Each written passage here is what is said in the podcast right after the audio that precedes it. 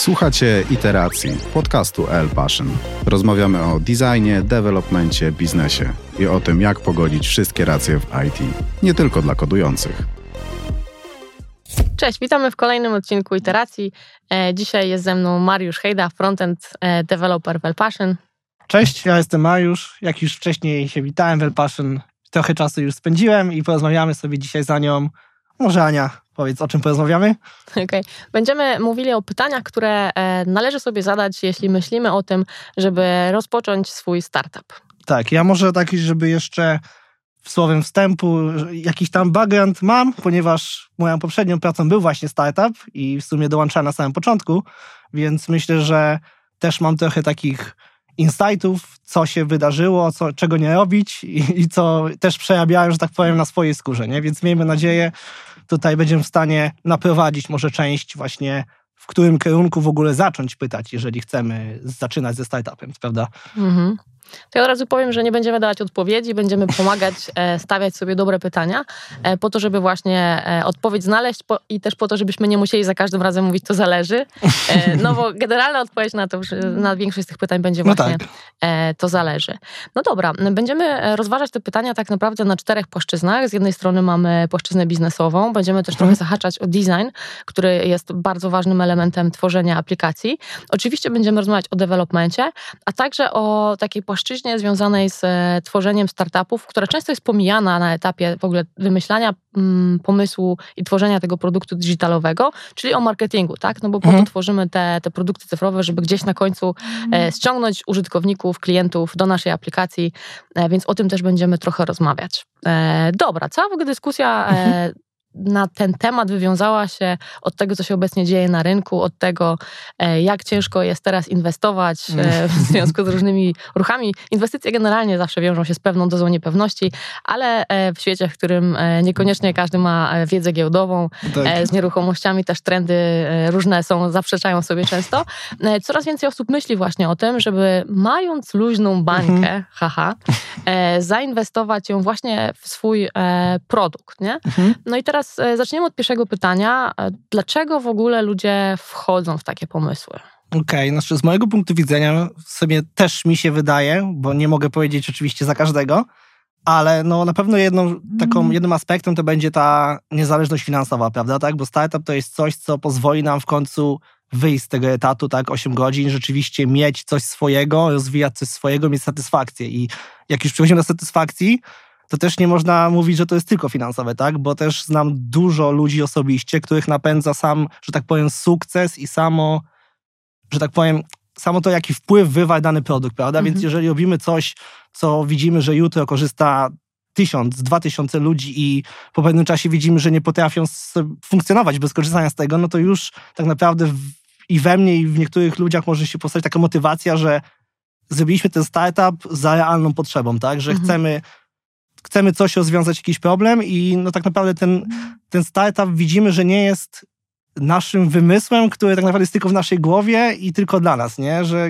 ja osobiście mam tak, że jeżeli rzeczywiście widzę, że coś jest używane przez większą liczbę osób, no to moja motywacja wzrasta, nie? Więc mi się wydaje, że na pewno będzie aspekt finansowy, na pewno będzie sam taki też chęć posiadania czegoś własnego, czy właśnie bycie takim swoim szefem, nie? Czyli to mhm. ja decyduję o tym, co się dzieje w tym produkcie, nie? Bo wiadomo, też startup, no to też nie jest tylko ja, to są też inwestorzy, właśnie tak jak mówisz, marketing, inne rzeczy, więc to nie jest tylko to, ale Myślę, że do tego jeszcze dojdziemy. Tak, tak. Ja myślę też, że takim e, ważnym elementem odpowiadania na to pytanie, dlaczego ludzie wchodzą w te mhm. pomysły, mhm. ruszają w ogóle ze swoimi startupami, jest tak, że na pewnym etapie swojego życia czy rozwoju, e, jeśli możemy sobie na to pozwolić, chcemy rozwiązywać jakieś problemy, nie? Mhm. Te problemy, które być może nas dotykały w naszym życiu zawodowym czy osobistym i to mogło jest źródło wielu takich insightów, wielu mhm. inwestorów e, czy założycieli startupów wychodzi właśnie z własnego doświadczenia. E, no i teraz, e, jak już mamy powiedzmy tych założycieli, rzadko mhm. kiedy to jest pojedyncza osoba, zwykle no tak. jakaś grupa osób, zwłaszcza na początku, e, które mają różne pomysły. I jak teraz mhm. odsiać tych pomysłów, jak wybrać, nie? No bo gdybyśmy coś swojego ruszali, ty mhm. masz parę pomysłów, ja mam parę no tak. pomysłów, e, trzeba by coś z tego wybrać. Jak odsiać te pomysły? Czy wydaje mi się, że w takim wypadku na pewno nie ma na pierwszym etapie głupich pomysłów, nie? Mhm. Warto na pewno zebrać wszystkie pomysły, bo jeżeli mamy tych pomysłów 20, no to będzie z czego odsiewać, tak? Bo tu trzeba też sobie postawić kilka pytań, jeżeli mamy taki pomysł, tak? Jeden to jest, czy jesteśmy w stanie w ogóle go zrealizować w skończonym czasie, tak? Mhm. Bo wiemy na przykład, że na market wchodzi jakaś ustawa, która, nie wiem, wywróci do góry nogami całe finanse i przypuśćmy, mamy jakiś pomysł, jak to usprawnić naszym produktem, ale może się okazać, że to wchodzi za trzy miesiące, a my Mhm. nie mamy ani teraz wiedzy, ani zasobów, żeby w ogóle to wyprodukować, nie? Więc ten pomysł można tak naprawdę odłożyć na później i myślę, że takim pierwszym aspektem, po którym powinniśmy patrzeć, to w ogóle spojrzeć na realistycznie, czy te projekty są do zrobienia z tym, co mamy, z tą wiedzą, jaką mamy, ewentualnie zastanowić się, czy kogo potrzebujemy i czy jesteśmy w stanie taką ekipę zebrać, żeby ten produkt rzeczywiście wypuścić, nie? Więc to by było na pewno pierwsze pytanie, które bym sobie zadał. Mhm. Rzeczywiście z puli projektów postarał się przyjąć jakieś kryteria, bo dla każdego te kryteria będą inne, nie?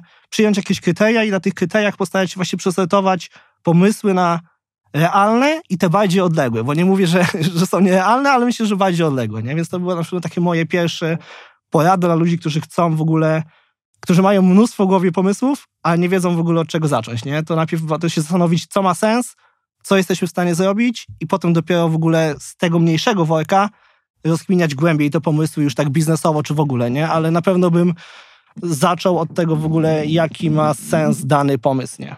Mhm. Czy trochę tak jak e, mówiłeś, zestaw indywidualnych kryteriów Mhm. dla każdego tak naprawdę e, startupu e, i na pewno wśród tych kryteriów będzie odpowiedź na pytania, ile mamy czasu, ile mamy pieniędzy Tak, i jakie inne rzeczy są dla nas Mhm. ważne nie? Przy, wyborze, e, przy wyborze pomysłu. E, dobra.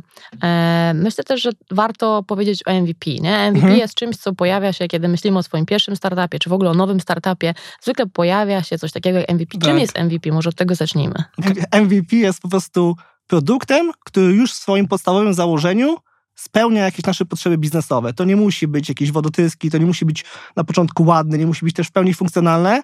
Ważne, żeby tą podstawową potrzebę spełniał i po prostu, żeby ludzie się tym zainteresowali, nie? Bo owszem, możemy tworzyć ładne produkty od początku, ale co jeżeli tak naprawdę nie sprawdzimy tego w żaden sposób? To jest też kolejna rzecz, którą powinniśmy sobie zadać tak naprawdę, jeszcze wracając do poprzedniego, Mhm. jak wybieramy pomysły, to czy ta potrzeba, którą my chcemy rozwiązać, to jest realną potrzebą, czy nam się w ogóle wydaje, że to jest potrzebą, nie? Bo owszem, możemy dużo decyzji podjąć na zasadzie wydaje mi się, ale wiadomo, że decyzje będą pewniejsze, jeżeli będą podparte jakimiś badaniami czy jakimś marketingiem, prawda?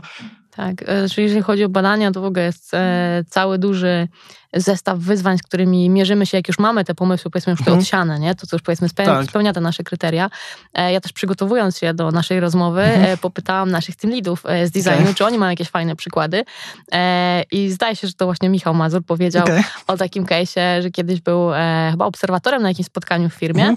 i tam szef zespołu mówi, słuchajcie, teraz będziemy robić brainstorm na temat tego, jakie problemy mają nasi klienci, nie? Czyli zamiast zapytać No, e, no. klientów, No tak. jakie mają potrzeby, jakie mają problemy, to usiądźmy i wymyślmy, nie? I trochę chodzi o to, Mm. żeby, żeby nie wpadać w takie pułapki własnego myślenia, No tak. e, tylko jednak szukać tej wiedzy na zewnątrz, no i też walidować swoje pomysły, nie? No i do tego Mm. e, będzie nam służył szereg e, badań i analiz związanych z naszymi założeniami, a później e, w tej właśnie późniejszej wersji już proof of concept, e, czy ten właśnie MVP, produkt w wersji MVP. Też tutaj E, jeszcze może, mhm. wracając do MVP, bo to też tak powiedziałem może zbyt ogólnie, bo to też oczywiście zależy w co mierzymy, prawda? Bo możemy stworzyć MVP, przykładem będzie Reddit, gdzie to rzeczywiście funkcjonuje, ma pełnić funkcję boardu, ale na przykład MVP może być, tak jak sobie wcześniej to dyskutowaliśmy, jakaś strona, która rzeczywiście ma być czymś wizualnym, nie? Sprzedajemy jakieś, no nie wiem, kwiaty czy doniczki z marmuru, no to to musi wyglądać ładnie, więc jeżeli robimy MVP landing, no to nie zrobimy go po najmniejszej oporu bez designu, tylko zrobimy rzeczywiście coś, co będzie miało ten walor estetyczny, co Mhm. przykuje, nie? I, I wtedy MVP to będzie tak naprawdę design, który już przykuwa oko, a niekoniecznie jeszcze, nie wiem, funkcjonalność zamawiania meblów na wymiar czy donic, tak? Ale już mamy coś, co przykuje oko i stworzy tak jakby, nie wiem, takie wrażenie, że to jest produkt luksusowy, nie? Więc takie coś też na pewno może być MVP w innym przypadku biznesu, więc tutaj też nie ma stałej definicji, na pewno trzeba to podpasować pod typ biznesu, który robimy, prawda? Tak, tak. Na pewno jest tak, że myśląc w ogóle MVP, to te pytania, które musimy sobie zadać, to jest na czym będziemy zarabiać, to jest ta warstwa Tak. biznesowa. W warstwie designu e, chłopaki właśnie zwrócili mi uwagę, żeby e, pamiętać o tej decyzji, czy tworząc MVP potrzebujemy już tworzyć design system. Tak? Bo z Mhm. jednej strony design system to będzie duży koszt tworzenia spójnej identyfi- identyfikacji Mhm. e, i elementów do wykorzystania później, a z drugiej strony to jest też duża mm, oszczędność, jeśli rzeczywiście to będzie reużywalne na późniejszych etapach projektu. Więc trochę tak jak powiedziałeś, Mhm. Jeśli mamy projekty, w których design jest tym czymś, co jest elementem naszego produktu, to być może to będzie dla nas bardzo ważne. No tak. A jeśli sprzedajemy jakąś funkcjonalność, e, to może to może po prostu być brzydkie i Mhm. ważne, żeby robiło to, co ma robić. No i przechodząc teraz do tej trzeciej wersji, e, warstwy tak naprawdę MVP, kiedy już wiemy, na czym zarabiamy i jak ważny jest dla nas wygląd, no to jest dobór funkcjonalności, nie? Bo Mhm. trochę jest tak jak z pomysłami, jakiego typu startup chcemy zrobić, jakiego typu No tak. e, produkt będziemy tworzyć, to jeszcze co ten produkt będzie robił, jakie Mhm. funkcje wybieramy. I chciałabym, żebyś trochę podzielił się swoimi doświadczeniami właśnie z tego procesu wybierania Mhm. funkcjonalności w produkcie. Okej, no to ja z doświadczenia wiem, jak to wyglądało, bo też, że tak powiem, rozwijaliśmy startup. Nie będę się może tutaj w szczegóły wdał, co to dokładnie było i czego dotyczyło, ale też właśnie podejmując takie decyzje, bardzo często dużo decyzji, jak to był startup, to były na zasadzie wydaje nam się, nie? I dużo Mhm. takich decyzji się zrobiło, rzeczywiście stworzyło się coś, co się badało dopiero później. To też jest jeden sposób, tak? Możemy decyzje, które są mało kosztowne do wdrożenia, zajmują na przykład dzień, możemy sprawdzić w jakimś podstawowym wariancie i jakimś na przykład narzędziem typu Hotjar sprawdzać, czy rzeczywiście ludzie to klikają, tak? I to jest jakiś jeden sposób. Drugim sposobem to jest na pewno zrobienie też przed jeszcze wdrożeniem, bo wiadomo, są funkcjonalności, które można wdrożyć w dzień, a są Mhm. funkcje, które zajmują na przykład miesiąc, nie? I wtedy trzeba się zastanowić, może właśnie zrobić jakieś badanie rynku, czy to jest coś, czego na przykład ludzie potrzebują, bo mimo, że się osobiście wydawać, że ja szukam, przeszukuję w dany sposób internet, to każdy w ten sposób szuka internet, przeszukuje internet, ale tak nie jest, tak? Więc Mhm. warto też na pewno zrobić jakieś badanie, czy jakieś, znaleźć sobie grupę, która jest nawet w stanie przyjść do nas na miejsce, jakiś warsztat poprowadzić czy coś i nawet spróbować dać komuś platformę jeszcze niegotową do klikania, żeby jakiś feedback dał, prawda? To też jest jeden ze sposobów właśnie na, na rozwój, że w momencie, kiedy na MVP powstaje, to my już zapraszamy interesantów, żeby już powoli się bawili tą aplikacją i zgłaszali swoje, że tak powiem, uwagi, czy też nawet ulepszenia, których my nie zauważyliśmy na przykład, nie? Więc to też jest, myślę, że szczególnie istotne, jeżeli chcemy, jeżeli mamy z tyłu głowy większy feature, żeby na pewno nie robić go zacznijmy go dewelopować, okaże się później, bo się może okazać, że pół roku developmentu poszło na nic, a w tym roku mogliśmy rozwijać 20 innych feature, których ludzie realnie potrzebują, prawda? Mhm. A gdybyśmy zrobili krok wstecz, e, myśląc do tego, że dopiero ruszamy, nie? Mhm.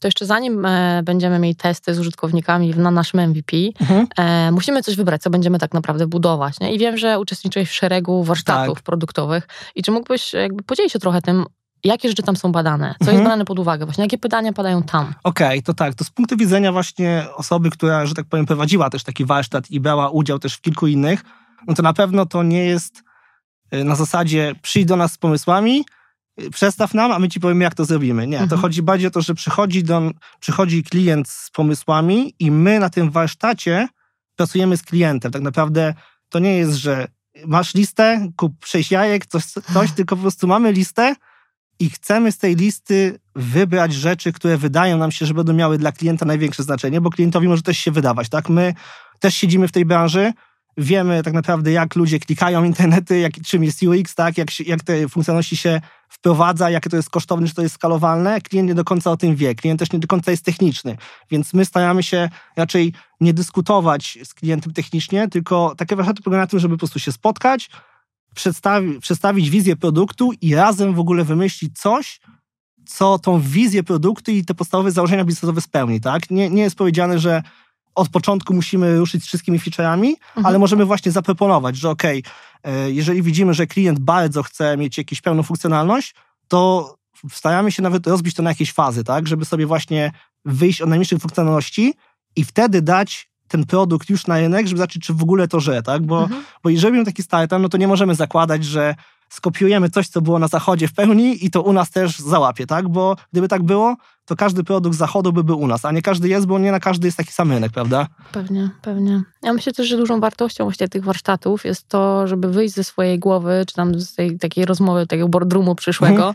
i pójść do ludzi na rynku, którzy mają doświadczenie, e, niekoniecznie bojąc się, że ukradną nam e, no tak. pomysł, na to też można się trochę zabezpieczyć, ale tak naprawdę zderzyć swój pomysł z ludźmi, którzy mają doświadczenie w budowaniu mhm. aplikacji. Nie? Więc ja myślę, że fajną wartością tych warsztatów jest to, że tam masz nie tylko ludzi od biznesu, ale masz project managera, no tak. masz e, backend deweloperów, frontend deweloperów, designerów i wykładasz ten swój pomysł z tymi wszystkimi ludźmi i mówisz też o tych swoich kryteriach, które mhm. mówisz, indywidualne. Tak, mamy tyle pieniędzy, mamy tyle czasu, mamy taki pomysł.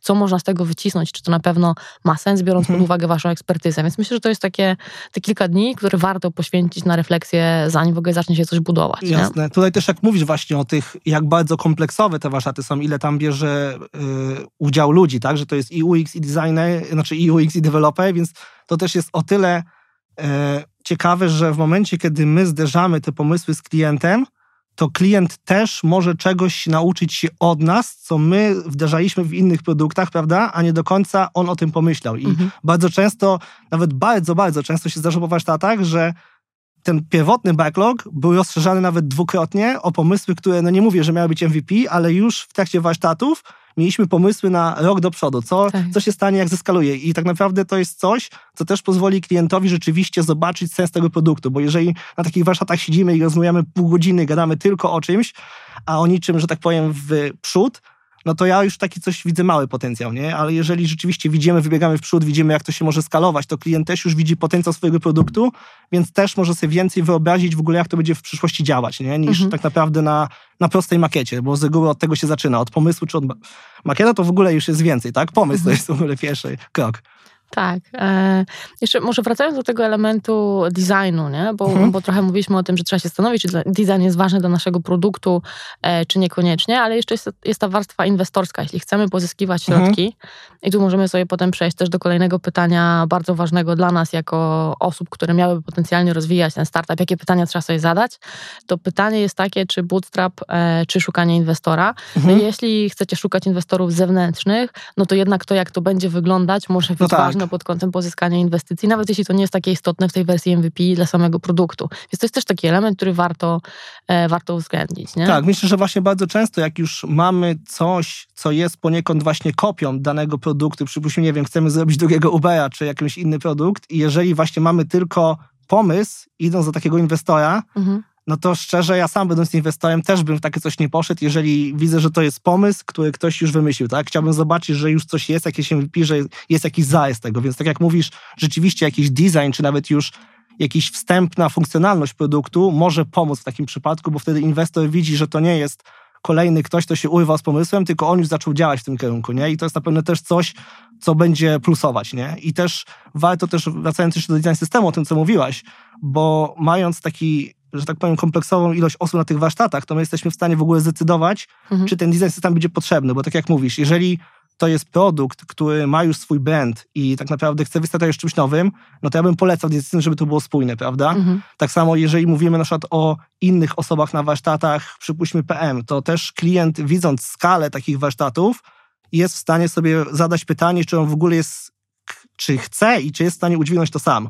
Bo wiadomo, my zaczynamy od pomysłu, ale jak ten pomysł zaczyna się budować takie klocki już do backlogu, czy tam do tasków, które realnie są funkcjonalnością, to się może okazać, że klient, który przyszedł z tym pomysłem, nie do końca ma czas tym wszystkim zarządzać, nie? I się okazuje, że rzeczywiście potrzebuje skompletować jakąś ekipę, czy produkt managera, czy kogoś, kto będzie temu doglądał, bo no nie oszukujmy się, jeżeli ktoś ma prowadzić cały biznes, ogarniać logikę, no to nie może zająć się wszystkim. A jak mhm. zajmie się wszystkim, to zrobi to bardzo szczątkowo, czego byśmy chyba nie chcieli też, nie?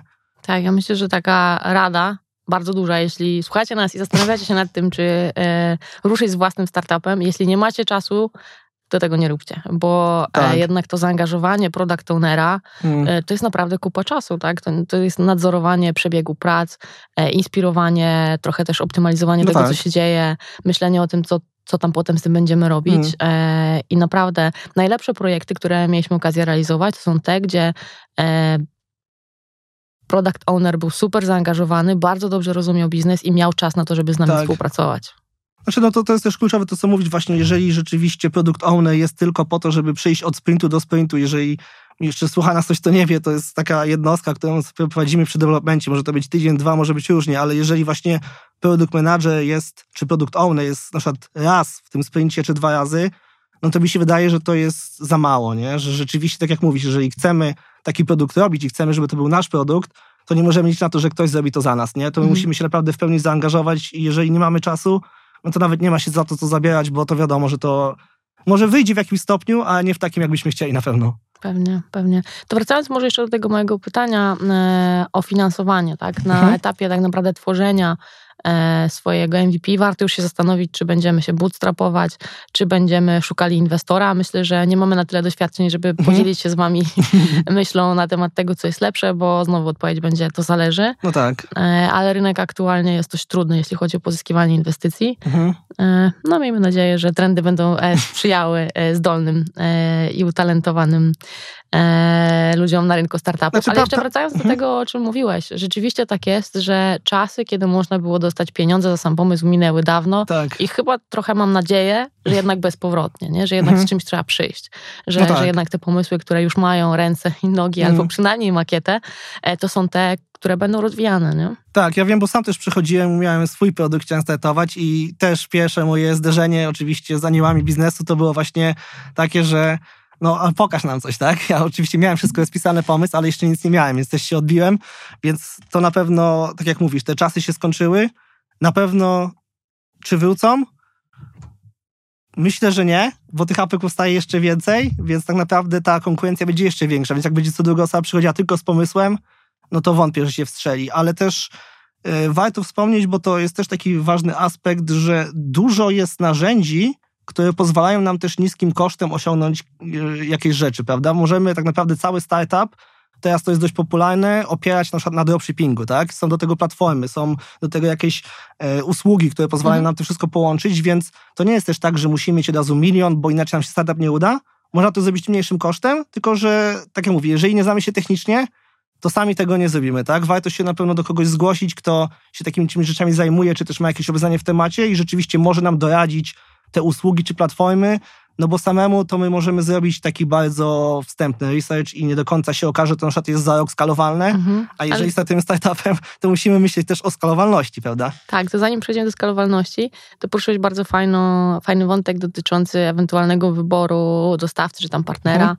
E, no i moje pytanie, e, czy warto robić stronę za flaszkę, czy warto robić stronę za miliony monet? No bo to jest takie pytanie, kiedy już e, zaczynasz mhm. ten startup, rozglądasz się na rynku, e, słyszysz, że no ten pomysł, panie, to trzy no, no. dni tam za grosze będzie, nie? A mhm. inni ci mówią, że nie, panie, to miesiąc researchu, miesiąc e, iteracji, Jasne. E, potem będzie jakaś wersja i, i górę złota, co trzeba zapłacić. Więc jak się rozeznać w tym?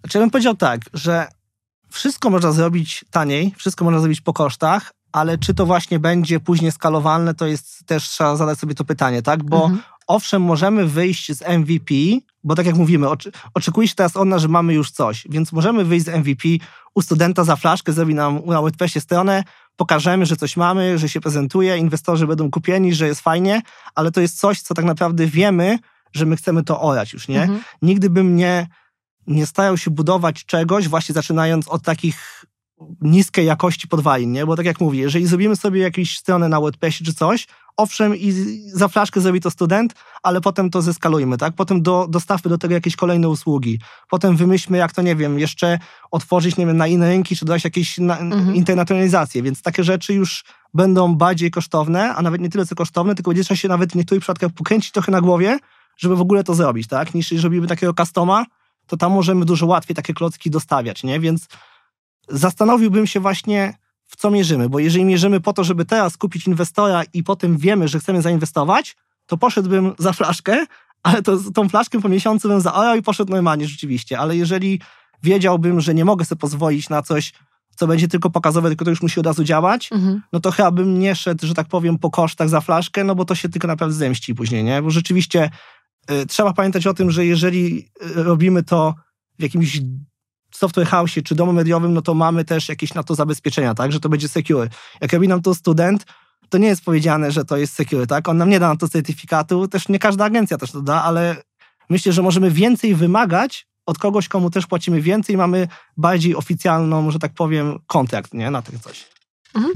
Ale wiesz co, e, myślę, że to jest bardzo ciekawe, co mówisz. Natomiast mhm. ja się zastanawiam, nie? Załóżmy, że ja jestem tą osobą, która teraz rusza ze startupem i przychodzę i mówię, Mariusz, e, byłam u agencji kilku i mhm. właśnie też, powiedzmy, że agencji, zostawmy tych studentów, nie?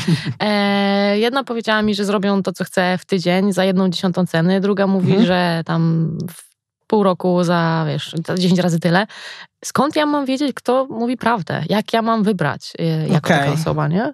Takim... Jakie pytania trzeba sobie zadać, żeby mhm. znaleźć odpowiedź? Nie? No bo łatwiej, jeśli chodzi o ryzyko, pewnie po prostu wziąć tą szybszą, tańszą opcję, no, no tak. szybciej dojdę tam, gdzie chcę. Czy to mhm. jest jakieś ryzyko z tym związane, czy, czy nie? Znaczy szczerze, to bym chyba bardziej patrzył na to, jak dana agencja, do której uderzamy, właśnie podchodzi do naszego problemu, tak? Mhm. Bo jeżeli przychodzimy z pomysłem i ktoś tam powie, przeczyta, to w 5 minut powie do zrobienia tyle i tyle, mhm. za tyle, no to już bym do tego podchodził troszkę tak, no, że tak powiem, sceptycznie, nie? Wolałbym, żeby rzeczywiście ktoś na to spojrzał, powiedział mi, ej, to jest źle, nie? Wiem, jak to robić lepiej, bo wtedy mhm. bym widział, że ktoś jest realnie zainteresowany moim produktem i sukcesem mojego produktu, nie? Że to nie będzie praca rzemieślnicza, tylko to będzie nasza współpraca, nie? Że ja przychodzę do takiej agencji, i ja liczę na to, że będę z nią współpracował w rozwoju tego, a nie, że idę do szewca, napraw mi buty, nie? Bo to, mhm. bo to nie jest, to nie jest budowanie startupu na, raczej tak się nie uda, nie? W żadnym przypadku, że idziemy, zrób mi to i przychodzę za rok, pokaż co zrobiłeś, nie? Bo to, okay. to się nie uda po prostu. No to właśnie myślę, że doszliśmy do fajnego punktu e, dotyczącego wynagrodzenia e, mhm. za pracę e, nad rozwojem aplikacji. I takie dwa najpopularniejsze modele e, to jest e, fixed price mhm. i i time material, tak? Tak no jest. To... Time and material. E, e, fixed price, czyli mhm. płacimy z góry umówioną cenę za z góry ustalone e, funkcjonalności. I w takim przypadku jest tak, jak mówisz, można przyjść mhm. za rok, stuk puk, dzień dobry, czy już gotowe. A jeśli chodzi o time and material, to to jest model, w którym ty pracujesz też na co dzień. To może mhm. opowiesz, jak to, tak. jak to wygląda. Znaczy, wydaje mi się, że time and material na pewno jest przyjaźniejszy pod względem właśnie, jeżeli przychodzimy z klient, jeżeli przychodzi do nas klient, tak? Bo jeżeli przychodzi do nas na fixed price, to z reguły ma jakiś backlog, ma jakieś funkcjonalności i to jest coś, na co on też ślepo już patrzy się na to mhm. zapiął, tak? I raczej jest małe pole do dyskusji nad tym. Jeżeli pracujemy rzeczywiście time material i my rzeczywiście z klientem współpracujemy, no to każdy taki feature, jeżeli oczywiście też ta druga osoba ma czas, jest raczej przez nas refinowany, czyli po prostu my siadamy sobie z y, interesantem sobie po prostu dyskutujemy, nie? co się tu wydarzy, co się tu wydarzy i wydaje mi się, że to będzie na pewno droższe, mhm. ale wydaje mi się, że takie kompleksowe coś w produkcie, który ja tworzę, chcę, żeby to było moje dziecko, to raczej takiego czegoś bym oczekiwał podejścia, nie? że ktoś stworzy to ze mną, a nie, że ja chcę stworzyć coś swojego, z czego będę dumny i daję to, przychodzę za rok, a i to pokaż, co masz, nie? Bo mhm. to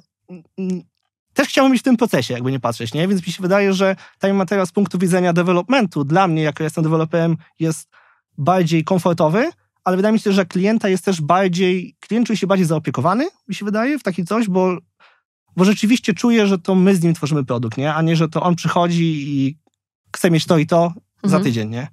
Dobra. Kolejne pytanie, nie? Znowu jesteśmy w głowie osoby, mhm. która chce uruchomić swój startup. Wiele osób ma fajny pomysł, ma być może środki na to, ma partnerów, ma kontakty, ale nie ma wiedzy technicznej. Jakie pytania takie osoby powinny sobie postawić przy założeniu, że chcą pójść dalej z realizacją swojego mhm. pomysłu? Znaczy, szczerze mówiąc, jeżeli nie mamy żadnej wiedzy technicznej, no to myślę, że warto, tak jak mówię, ja, jeżeli startup traktujemy jako nasze dziecko, no to raczej chcemy, żeby... Chyba nie jest zdrowe. to chcemy, żeby to, że tak powiem, wyszło i wyglądało jak najlepiej, nie? Więc w takim wypadku, kiedy nie mamy o czymś pojęcia, no to co robimy, kiedy nie mamy pojęcia o czymś w życiu, tak? Zasięgamy opinii kogoś, kto ma o tym pojęcie. Więc jeżeli ja bym się stawił w takiej sytuacji, że tworzę startup, nie mam pojęcia technicznego, ale zależy mi na tym, żeby to rzeczywiście było zrobione dobrze, no to raczej bym szukał kogoś, kto będzie w stanie za mnie tego doglądać, nie? Czyli, szukałbyś tatusia dla tego swojego dziecka projektu, można, tak? Można tak powiedzieć. Szukam na pewno kogoś, kto ma tę wiedzę techniczną i potrafi ją przekazać mi w taki prosty, ludzki sposób, nie? Bo jeżeli będę gadał z kimś technicznie i ktoś będzie do mnie gadał technicznie, a ja nie mam tym pojęcia, mhm. to po co mi ktoś taki, nie? On, on nie jest żadnym proxy dla mnie, on nie wyjaśnia mi, co się dzieje w tym developmencie. To wtedy bym rzeczywiście polecał kogoś, kto jest techniczny, niekoniecznie pracuje w developmencie, ale dogląda i zarządza całym tym developmentem, prawda? Bo, bo to nie jest tak, że mamy dwóch deweloperów i każdy sobie robi co chce. Mhm. Też, też trzeba te taski planować, trzeba sobie zaplanować coś względem czegoś, e, więc taka osoba na pewno by tu pomogła, jeżeli nie jesteśmy w stanie sami tego zrobić, bo nie mamy wiedzy technicznej. Nie? Mhm. Czy myślisz, że dobry e, project manager może być właśnie taką osobą? Tym proxy, o którym wspomniałeś? Myślę, że mógłby być. W sensie, wiadomo, łączenie dwóch takich e, obowiązków nigdy nie jest zdrowe, ale jeżeli project manager to jest ktoś, kto wie o projekcie najwięcej i on nim zarządza i jeszcze mhm. do tego ma wiedzę techniczną, to mi się wydaje, że taki projekt ma największą szansę na sukces, nie? Bo, bo nie trzeba zatrudniać kilku osób, nie jest to rozproszone, tylko rzeczywiście jedna osoba jest w stanie doglądać produktu, ale również namierzać takie błędy na bazie, że coś technicznie się nie zgadza, albo że coś już wiemy teraz, że się nie uda, bo nie będzie na przykład skalowalne za rok, nie? Więc taka osoba na pewno tutaj będzie dużym plusem. Mhm, czyli wracając do tych ról, o których myśleliśmy wcześniej, mhm. nie? mamy tą osobę założyciela powiedzmy, mhm. czy założycieli i tam będziemy mieli product ownera, czyli tą tak. osobę, która rozumie biznes, wie co robi, wie co, wie co chce osiągnąć, wie na co ją stać, jakie ma te kluczowe kryteria. Mhm. Potem mamy tego project managera, który może właśnie być tym proxy w tej wiedzy mhm. technicznej, no oczywiście zespół e, techniczny, e, designerów, UX i tak dalej. E, I teraz rzecz, która padła już kilkukrotnie, e, to jest temat, będziemy teraz powoli przechodzić od developmentu też do marketingu, okay. to jest skalowalność. Nie? Mhm. E, dlaczego przy projektowaniu aplikacji często zapomina się o skalowalności? To jest trochę tak, jakbyś coś robił i zapomniał, że chcesz odnieść mhm. sukces, nie? No tak, znaczy szczerze, ciężko mi powiedzieć, czemu to się robi. Podejrzewam czemu, bo po prostu się o tym nie myśli w MVP, tak? Tylko, że to jest trochę też błąd, bo możemy o tym nie myśleć w jakiejś szerszej skali, ale tak jak mówisz, jeżeli wchodzi do tego marketing i wiemy, że startujemy z produktem, jutro jest odporna kampania, nie wiem, za 200 tysięcy, no to jest oczywiste, że na stronę wejdzie tysiące ludzi, no i trzeba jednak mieć to przygotowane, tak? I raczej taki poziom skalowalności, czyli nie wiem, że serwer nie wytrzymam, to jest łatwy do rozwiązania, nie? Mhm. Gorzej właśnie z czymś, co przypuśćmy ma później się rozwijać na jakieś rynki, więc nie wiem, jakbym do tego podchodził, szczerze mówiąc, od strony technicznej, ale na pewno chciałbym mieć to zaplanowane od strony biznesowej, nie? Czyli jeżeli dewelopuję jakiś dany feature i wiem, że coś będzie z tyłu polegało na tym featureze, czy to będzie dalej miało gdzieś iść, nie wiem, w innym kierunku albo komunikować się między sobą, to myślę, że warto, żeby też ludzie, którym zlecamy taką aplikację, o tym wiedzieli, bo jeżeli mhm. ktoś o tym nie wie, tak jak mówię, to może wyniknąć z tego, że komuś się nie chce, bo jest MVP, a dwa może wyniknąć, że ktoś po prostu nie wiedział o tym, nie? Bo mhm pełny obraz biznesu ma na pewno ta jedna osoba. Jak my pracujemy w developmencie, to skupiamy się raczej na jakichś zadaniach i pracujemy dość zadaniowo, więc możemy nie mieć tego całego zarysu z tyłu głowy, więc warto, żeby to też było nakreślone, to, to nam pozwoli takich problemów uniknąć, nie? Bo też taki przypadek z życia, osobiście miałem tak, że rzeczywiście startowaliśmy z produktem i poszła ta kampania, tylko że tak ta kampania poszła, to się okazało, że serwery nie wytrzymały, no i cała kampania była, że tak powiem, na marne, bo strona padła i godzinę było trzeba ją stawiać, nie? I podbijać serwery, żeby rzeczywiście, jak teraz dalej wchodzą, żeby mogli już w końcu wejść, nie? Więc... Okej, okay, czyli trzeba uważać, e, tak. planować jednak, żeby nie zostać e, no, trzeba, ofiarą własnego sukcesu. Tak, trzeba planować i marketing z developmentem, tak? Bo jeżeli bardzo fajnym przykładem był Cyberpunk, mhm. gdzie marketing robił swoje, development robił swoje i szły zupełnie inne komunikaty, nie? Więc mhm. jak tak samo, jeżeli tutaj nie pomyślimy o tym, żeby marketing spinał się z całym procesem developmentu, no to też nie wyjdzie dobrze, nie? No tak, tak. No dobra, to idąc dalej, jeżeli chodzi o te elementy marketingowe, a istotne jednak na etapie czy to developmentu, czy nawet designu, mhm. myślę, że pozycjonowanie e, serwisu, e, mhm. e, czy też aplikacji, to jest ważny element. Tak, na pewno to, co mówisz SEO, czyli właśnie Search Engine Optimization, warto o to zadbać chociażby w podstawowym wymiarze, tak? Bo wiadomo, są już są jakieś różne, czy tam snippety, rzeczy, które można rzeczywiście jeszcze lepiej sobie boostować te, te pozycje, no ale myślę, że jeżeli startujemy z jakimś produktem i mamy teraz, no, że tak powiem, konkurencji miliony i każda, no nie wiem, wyrasta to jak grzyby, no to jeżeli nie zadbamy o SEO, żeby rzeczywiście jak ktoś pisze dany problem trafił na nas, a nie na konkurencję, no to może być tak, że możemy mieć pomysł super, możemy mieć marketing, nie wiem, ładować w reklamy w telewizji ileś, ale ciężko nas znaleźć w Google, nie? Więc tak naprawdę to może całe pójść na marne cała praca, jeżeli nie zadbamy o to, żeby rzeczywiście też być widocznym w internecie. Mhm. Ja myślę, że e, to, co jest też ważne, o co mi chodziło, to to, żeby o tych rzeczach pamiętać na etapie tworzenia produktu, nie? Bo, bo jeśli mhm. stworzymy sobie produkt, a potem, no i co, i teraz będziemy go promować. No to jak promujemy? Okay. No między innymi pozycjonowanie. A co trzeba, żeby pozycjonowanie? A nie. musicie na stronie zmienić to, to i tamto, Tak, nie? no to nie, no to to jest coś, co trzeba już myśleć zanim zaczniemy, bo tak jak mówisz, jeżeli właśnie musimy o pozycjonowaniu, no to też, czy sam markup dokumentu, struktura tego HTML-a też musi być dla nas, że tak powiem, już wiadoma, co chcemy pozycjonować, nie? Bo możemy owszem zrobić całą stronę i potem klient powie, a dobra, to teraz SEO, tylko hmm. że no to będą dodatkowe koszta, nie? Bo teraz trzeba tam tak. wejść, namierzyć te miejsca, pozmieniać, a można było to przewidzieć, bo tak jak mówisz, ja sobie nie wyobrażam, żeby produkt startował i nie myślał na samym początku o SEO w 2023 roku, nie? To jest dla mnie niepoważne. No, jeszcze jest też temat marketing automation, nie? Czy, Mhm. czy firma będzie chciała wdrażać narzędzie, czy nie? No bo już myślę, że w tych No tak. czasach mało kto buduje swoje rozwiązania, ale z dostępnych na rynku, no Mhm. to też wymaga e, generowania pewnych podstron, pewnych mechanizmów, które Tak. musimy sobie założyć. E, no i jedna rzecz, o której też wydaje mi się, że relatywnie często Mhm. firmy za, zapominają, że będą potrzebować jakiś landing page, nie? Że No będą tak. jakieś kampanie i że w ogóle potrzebne nam będą landingi. Może Mhm. nie jeden, może więcej. E, dla tych, którzy nie wiedzą, landing tak. page to jest taka strona, e, podstrona internetowa, na którą kieruje się ruch z kampanii e, konkretnych, po to, żebyśmy wiedzieli, e, jak ludzie do nas trafili i żebyśmy ko- komunikowali właśnie to, Mhm. co, o, w co danej, nie wiem, promocji na przykład e, mówiliśmy.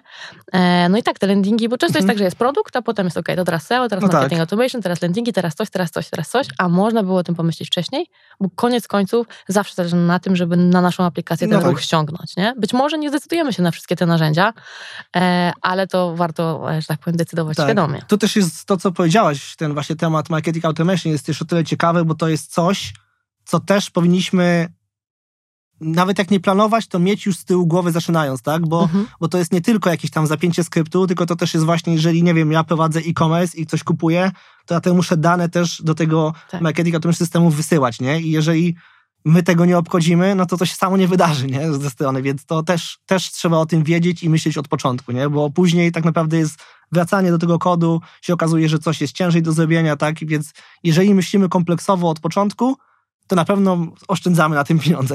Mhm. w wielkim skrócie. No dobra, e, jeszcze z takich pytań, które na pewno warto sobie zadać, załóżmy, że mamy tych założycieli, oni już mają Mhm. pomysł, już zrobili sobie badania rynku, już mniej więcej wiedzą, jakie funkcjonalności chcieliby mieć w swoim MVP, dlaczego właśnie te, e, już wiedzą po jakie finansowanie idą, wszystkie te rzeczy, które wymieniliśmy. E, No i teraz trzeba zacząć podejmować jakieś decyzje na temat tego, kto to będzie wykonywał. E, I teraz jednym z takich typowych pytań jest to, co musimy mieć in-house, a co możemy sobie outsourcować. Mhm. I taką dość popularną usługą e, jest na przykład outsourcowanie, przynajmniej na początku istnienia e, startupu, e, usług finansowych, Mhm. zarządzania naszymi finansami, tam wiadomo, księgowości, ale tak. to jest jeden z przykładów tego, co, co się outsourcuje. Nie? No i jako firma musimy sobie zadać pytanie, czy to jest nasza podstawowa funkcjonalność i my tego potrzebujemy dla biznesu, czy to jest Mhm. jednak coś, co przy okazji trzeba robić i ktoś na kawałek etatu może to robić dla nas na zlecenie. Nie? Okej. No i też ten e, team composition, jeśli chodzi o budowanie i tworzenie Mhm. aplikacji. E, No i tutaj wiadomo, firmy mają do wyboru, zatrudniamy ludzi u siebie albo zatrudniamy agencje czy tam freelancerów. Mhm. E, Jestem ciekawa, jakie pytania pomocnicze, żeby ustalić, czy dla mojego startupu lepsza jest opcja A czy opcja B, można sobie zadać. To na pewno myślę, że trzeba się zastanowić nad tym, to co wi- mówiliśmy w samym początku, czas, nie? Bo Mhm. jeżeli nie chcemy zlecać czegoś agencji, wiadomo, agencja podejdzie do tego kompleksowo i przeprowadzi warsztaty i zrobi jakiś bank, rozpisze i będzie tak naprawdę gotowe akceptacją kryteria, czyli będzie wiadomo, co trzeba zrobić, będziemy mieli to ładnie rozpisane. Jeżeli ja mam sam pomysł i wiem, że mam czas na to, żeby to rozpisać, to jak najbardziej bym to starał się rozpisać i stworzyć sobie backlog, żeby rzeczywiście pójść tą stroną, ok, koszta, ja to zrobię sam, Mhm. jak zrobię to sam, to mam wrażenie, że zrobię to dokładniej, bo ja wiem dokładnie, na czym polega mój biznes, więc opiszę to w pełni, tak?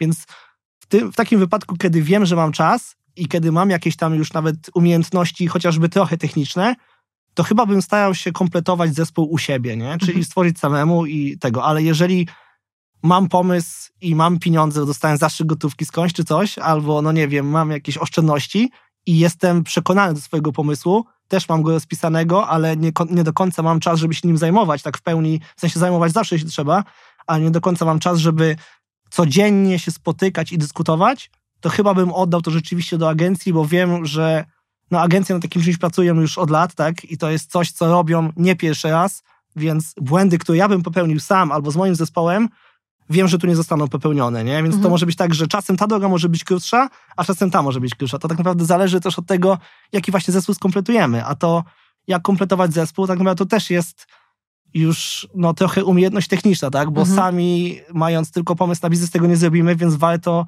się już kogoś poradzić, może trochę technicznego, żeby nam pomógł taki zespół skompletować, nie? Ewentualnie uderzyć po prostu do agencji, która ma już zespół in-house i zrobi nam to kompleksowo. Mm, to jest właśnie to, o czym myślałam, że pytania, które trzeba sobie zadać, nie? Jeśli potrzebuję ludzi z jakiejś specjalizacji, to czy ja umiem ich zrekrutować, albo No czy mam kogoś, kto może mi tą kompetencję uzupełnić, nie? Mhm. żeby na pewno znaleźć dobrych ludzi.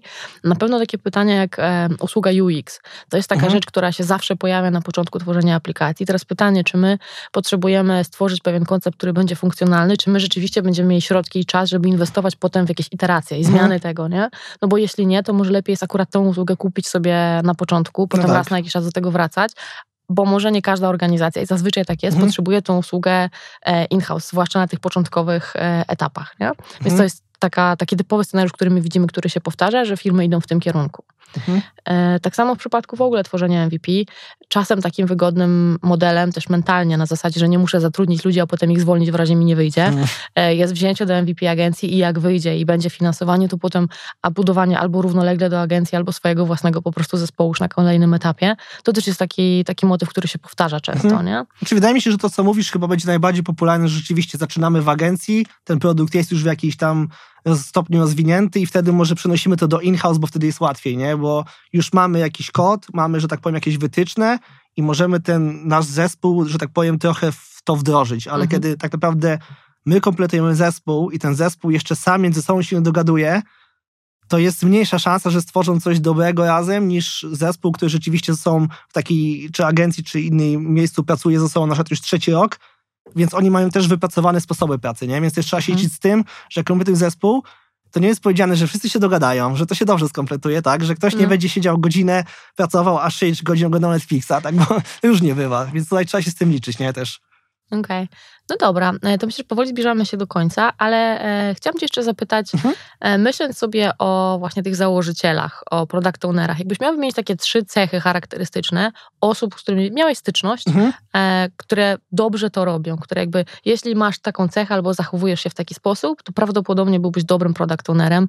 E, co ci przychodzi do głowy? Jakie Na zachowania? pewno, na pewno pierwsze to pedantyczność, tak? Jeżeli ktoś lubi porządkować rzeczy, no to w Mhm. takim właśnie produkt ownowaniu znajdzie się dobrze, tak? Bo tam właśnie o to chodzi, żeby wszystko było ładnie rozpisane, uporządkowane i żeby to się trzymało kupy. Więc jeżeli ktoś jest bardzo pedantyczny, dokładny, sumienny, no to myślę, że się nada.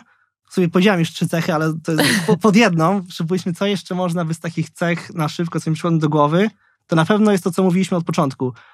Czas to nie jest cecha, ale pracowitość jest cechą, nie? Mhm. Więc jeżeli nawet ktoś ma mniej czasu, a jest pracowity i wie, że ma w sobie takie zaangażowanie, że nawet sobie siądzie wieczorem, bo czuje, że musi coś zrobić, no to też jest coś, co tak naprawdę pomoże w sukcesie takiego produktu i sprawi, że ktoś będzie dobrym produkt ownerem, nie? Mhm. Że rzeczywiście, że on tym projektem poniekąd trochę żyje. Wiadomo, nie można to przeginać w jedną stronę, bo trzeba mieć ten work-life balance, ale no jeżeli rzeczywiście jesteśmy sumienni i tacy pedantyczni, no to to nam na pewno dużo pomoże w porządkowaniu takich rzeczy. Mhm. A co trzecie jeszcze, to myślę, że to jest też trochę taka umiejętność analityczna, bo jakby nie patrzeć, te wszystkie rzeczy, jak budujemy większy produkt, mają między sobą zależności, nie? I nie możemy myśleć o tym, że spisujemy sobie zadania jako pojedyncze zadania lepimy na kartce, tylko trzeba myśleć, że lepimy sobie karteczki i one się układają w całość.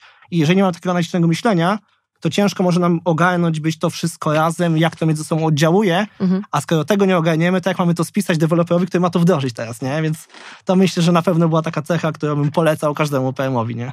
Super. E, e, super. To ja jeszcze dodam do, do tych cech na pewno rozumienie biznesu i myślenie o nim, posiadanie tego z tyłu głowy. Mhm. Bo bardzo łatwo w pracy nad e, produktem, nad projektami skupić się na tym czymś fajnym, nad czym No teraz tak. pracujemy, e, nad dodatkowymi pomysłami, nad ulepszaniem czegoś w nieskończoność, podczas kiedy tak naprawdę mamy gdzieś tam do dowiezienia Mm. E, to coś, ten element biznesu i żeby właśnie pilnować, żeby moim, moim zdaniem taką główną rolą PO jest pilnowanie tego, żeby zespół nie stracił tego nigdy z oczu. Mhm. Idziemy, idziemy po coś. No na pewno trzeba przypominać kierunku. o tej potrzebie biznesowej, nie? Bo my jak sobie dewelopujemy, to bardzo często jest taka pułapka, że coś się dewelopuje fajnie, jest fajny feature, Mhm. w ogóle zapominamy o tym, co on miał robić, bo po prostu się fajnie robi, nie? Więc Mhm. to też jest, myślę, że dobrze, że o tym wspomniałaś, bo no, PM też ma poniekąd właśnie pilnować tego, nie? Żeby dev zamiast robić sobie jakieś tam mniejsze rzeczy, bo teraz mu się wydaje to ciekawe, robił to, co jest w tym sprincie, że tak powiem, naszym, naszą potrzebną biznesową do, do zaspokojenia, nie? A nie to, co się wydaje komuś, że może teraz tutaj sobie wejdę, poklikam, nie? Więc to też warto, żeby ktoś taki pilnował porządku. Mhm. Oczywiście mówiąc PM mam na myśli project managera, który też jest techniczny, czyli jest product ownerem poniekąd, bo tutaj też trzeba oddzielić to, że product owner a project manager to są też dwie osobne rzeczy, prawda? Więc My tutaj mówimy PM, PO, ale ja oczywiście mając tutaj na myśli produkt ownera z technicznym, y, że tak powiem, backgroundem. Okej, okay, fajnie. To myślę, że te cechy, które e, z Mariuszem wymieniliśmy, po, powinny pomóc Wam odpowiedzieć na pytanie, jeśli mamy kilku założycieli, kto z nas powinien zostać właśnie tym product ownerem, kto tak. powinien potem pracować z tym teamem e, codziennie. Mhm. E, to kilka tych cech udało się wyłowić. Ostatnie pytanie do Ciebie, Mariusz. Mhm. E, powiedz, ile Uberów miałeś, e, Uberów like applications miałeś okazję budować w życiu? O Jezu, w sensie budować? Czy no, jakoś tam czy... zetknąłeś się z takimi pomysłami w takiej czy innej formie. Znaczy może nie totalnie Uber-like, ale jeżeli mielibyśmy tak lecieć właśnie, no chcę coś jak to z tym, mhm. no to jakbym miał teraz tak szczerze powiedzieć, to już co trzeci projekt, który ktoś przychodzi w takich właśnie bardzo powijakach, to właśnie wygląda tak, że zrób mi to jak to, a nie do końca jeszcze ktoś rozumie, nie? Więc tutaj też mi się wydaje, że warto edukować właśnie kogoś, kto zaczyna taki startup, że to nie jest tylko pomysł, nie? że mhm. musimy mieć rzeczywiście coś więcej, bo zrób mi Ubera, to jakiego Ubera? Mogę zrobić ci Ubera sprzed pięciu lat, który miał zero funkcjonalności, czy mhm. Ubera tego, co jest teraz, nie? Mhm. Tylko, że to też jest czas Pewnie. potrzebny. A powiedz mi jeszcze takie fajne przemyślenia a propos tego, czy warto tworzyć produkty, które już są. Bo mówię, że masz argumenty za tym, że tak, jak coś mhm. jest i gdzieś działa, to warto to skopiować w jakiejś tam formie, albo że totalnie nie warto. Jestem ciekawa tych twoich dwóch perspektyw. Hmm, znaczy, to bym w sumie chyba właśnie spojrzał na to, jakich produktów jeszcze nie ma u nas, bo tak, bo uważam, że nie jest warto kopiować coś, znaczy mogę się mylić, to jest oczywiście tylko moje zdanie, nie, nie kopiowałbym czegoś, co istnieje na naszym rynku i jest na przykład tego już 5-6, że tak powiem, tworów, ale na przykład bym się poważnie zastanowił i z chęcią skopiowania czegoś, co jest na zachodzie na przykład, nie? Czego nie ma jeszcze u nas, na co widzę jakiś potencjał, że to u nas zaskoczy. Tylko oczywiście, wiesz, też trzeba by się zastanowić, czy to, że nie ma tego u nas, nie jest podyktowane jakimiś różnicami kulturowymi czy czymś innym, nie? Więc na pewno bym nie polecał bezmyślnie kopiować, mhm. ale jeżeli rzeczywiście produkt jeszcze nie jest na rynku nawet europejskim czy naszym, to bym się nie bał kopiować. Chociaż wiem, że ty pewnie masz inne zdanie a propos kopiowania tych na, nawet na naszym rynku. No, ja generalnie kopiowanie e, nie jest e, czymś, co, co lubię in general, ale też uważam, że aplikacje powinny być skalowalne, nie? więc mhm. jeśli coś istnieje na innych rynkach, a my zaczynamy sobie tutaj, to być może jesteśmy w stanie się tu rozwinąć, ale pytanie, czy później, myśląc o skali, będziemy w stanie okay. konkurować z tamtymi rynkami, jeśli mhm. to jest w ogóle naszym celem. Ale fajnie, myślę, że to jest, e, to jest cenne. Mhm. Z jednej strony trzeba czerpać inspirację z tego, co działa, a potem zastanawiać się, czy mamy gdzie to zaaplikować. Zawsze też można formy. spojrzeć na produkt, który działa, ale według nas i wielu nie działa dobrze i zbudować coś ulepszonego tego, nie? Więc to jest taki iterowanie na kopii czegoś, nie? Więc tutaj można też w ten sposób podejść do tego. Tak, ale to też takie prawidła marketingowe, nie? Nie zawsze musisz być pierwszy, no tak. ale jak jesteś drugi, to musisz być lepszy, nie? No. Albo większy, albo no, z większym Coś, coś zrobić lepiej po Tak, tak, tak. Coś trzeba tam jednak podciągnąć.